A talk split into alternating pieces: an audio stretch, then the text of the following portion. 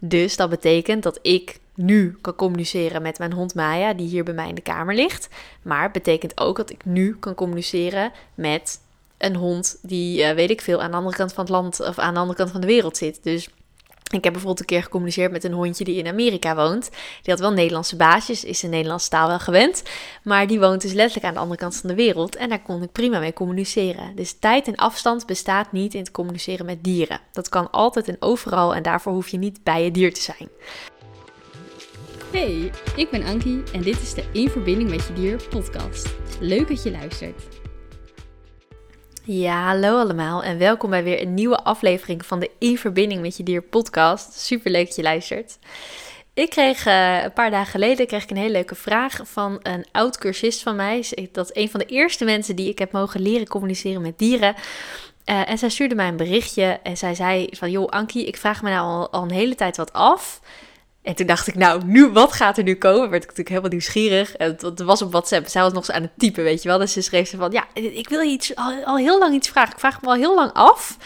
Nou, toen was, ik dus aan het wachten op haar bericht, op haar volgende bericht met de vraag erin. En toen was de vraag dus, is er een taalverschil bij dieren? Met andere woorden, wat zij bedoelde was...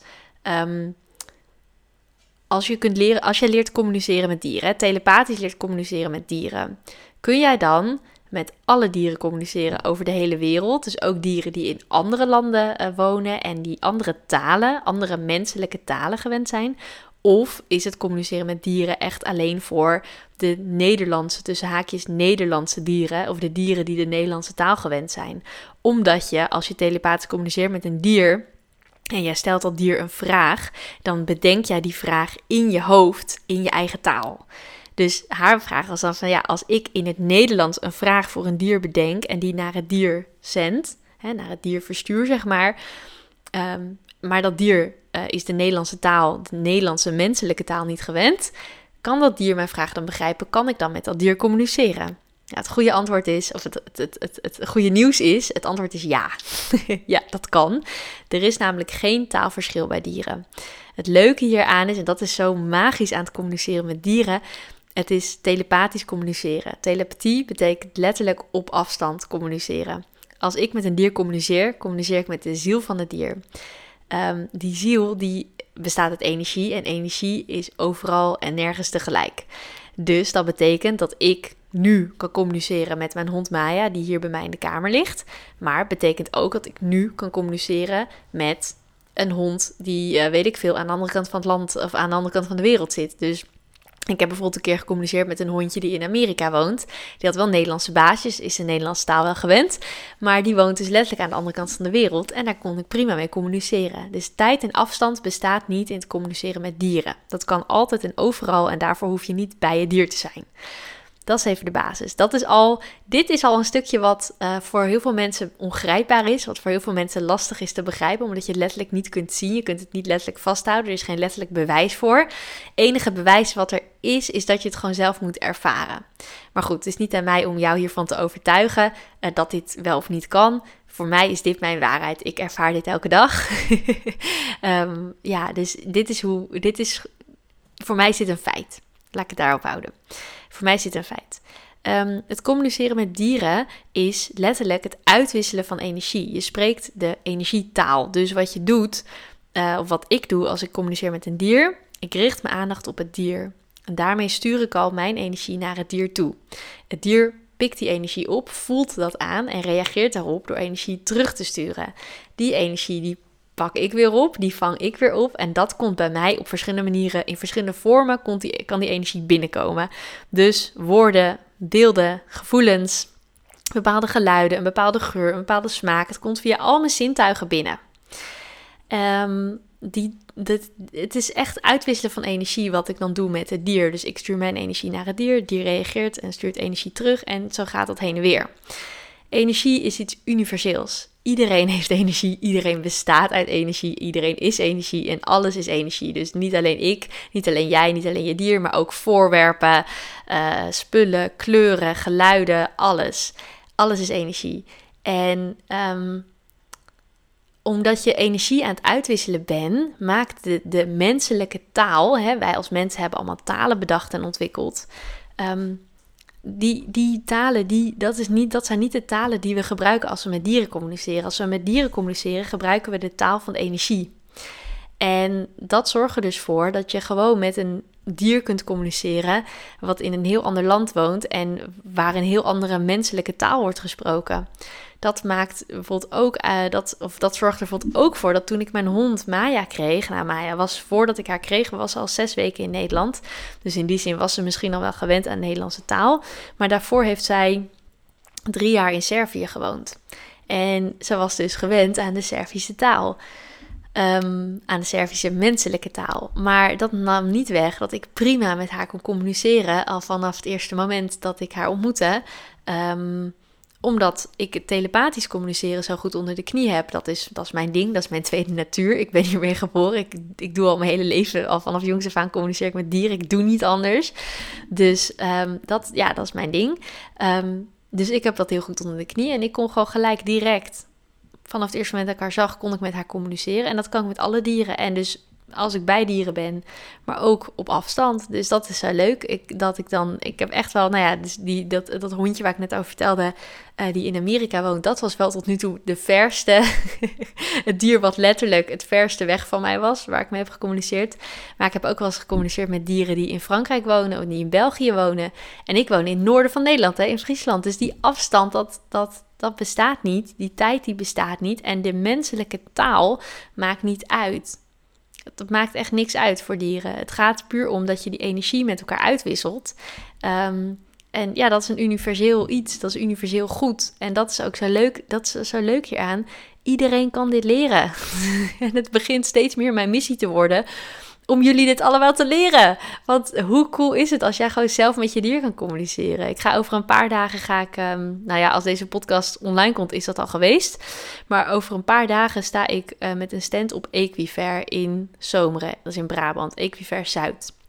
En dat is een, uh, nou, als je het niet kent, het is een, een, een evenement gericht op uh, paardenliefhebbers, dus mensen met paarden. En het gaat heel erg over zo ja, paardvriendelijk, met je paard omgaan. Dus echt met je paard samenwerken. En dat is heel erg, dat vind ik fantastisch. Dat past helemaal bij mijn visie en bij mijn werkwijze. En ik heb eerder dit jaar, in april, heb ik al op Equid gestaan. Dat was in Ermelo. En in juni heb ik op Equiver Noord gestaan. Dat was in Exlo. Beide evenementen worden door dezelfde organisatie georganiseerd. En Equiver Zuid in Zomeren dus ook. Nou ja, als deze podcast online komt, is dat hele evenement al geweest. Ehm, maar ik ga daar dus naartoe. Ik ga daar staan met een stand. Maar het is dus in Zomeren. Dat is echt nou, drie, drieënhalf uur rijden of zo voor mij vanuit Friesland. Ehm, dus dat is gewoon best wel een, eh, een stuk rijden. Dus dat heb ik even bedacht dat ik daar gelijk uh, al wat eerder heen ga, een paar dagen van tevoren. En dat ik dan gelijk een heel leuk weekendje weg van, van ga maken samen met mijn hond Maya. Dus Maya gaat met mij mee, maar al mijn andere dieren blijven thuis. En die hebben een hele goede oppas. Uh, dus hè, mijn paard, mijn kat, mijn konijn en mijn kaafjes worden allemaal super verzorgd.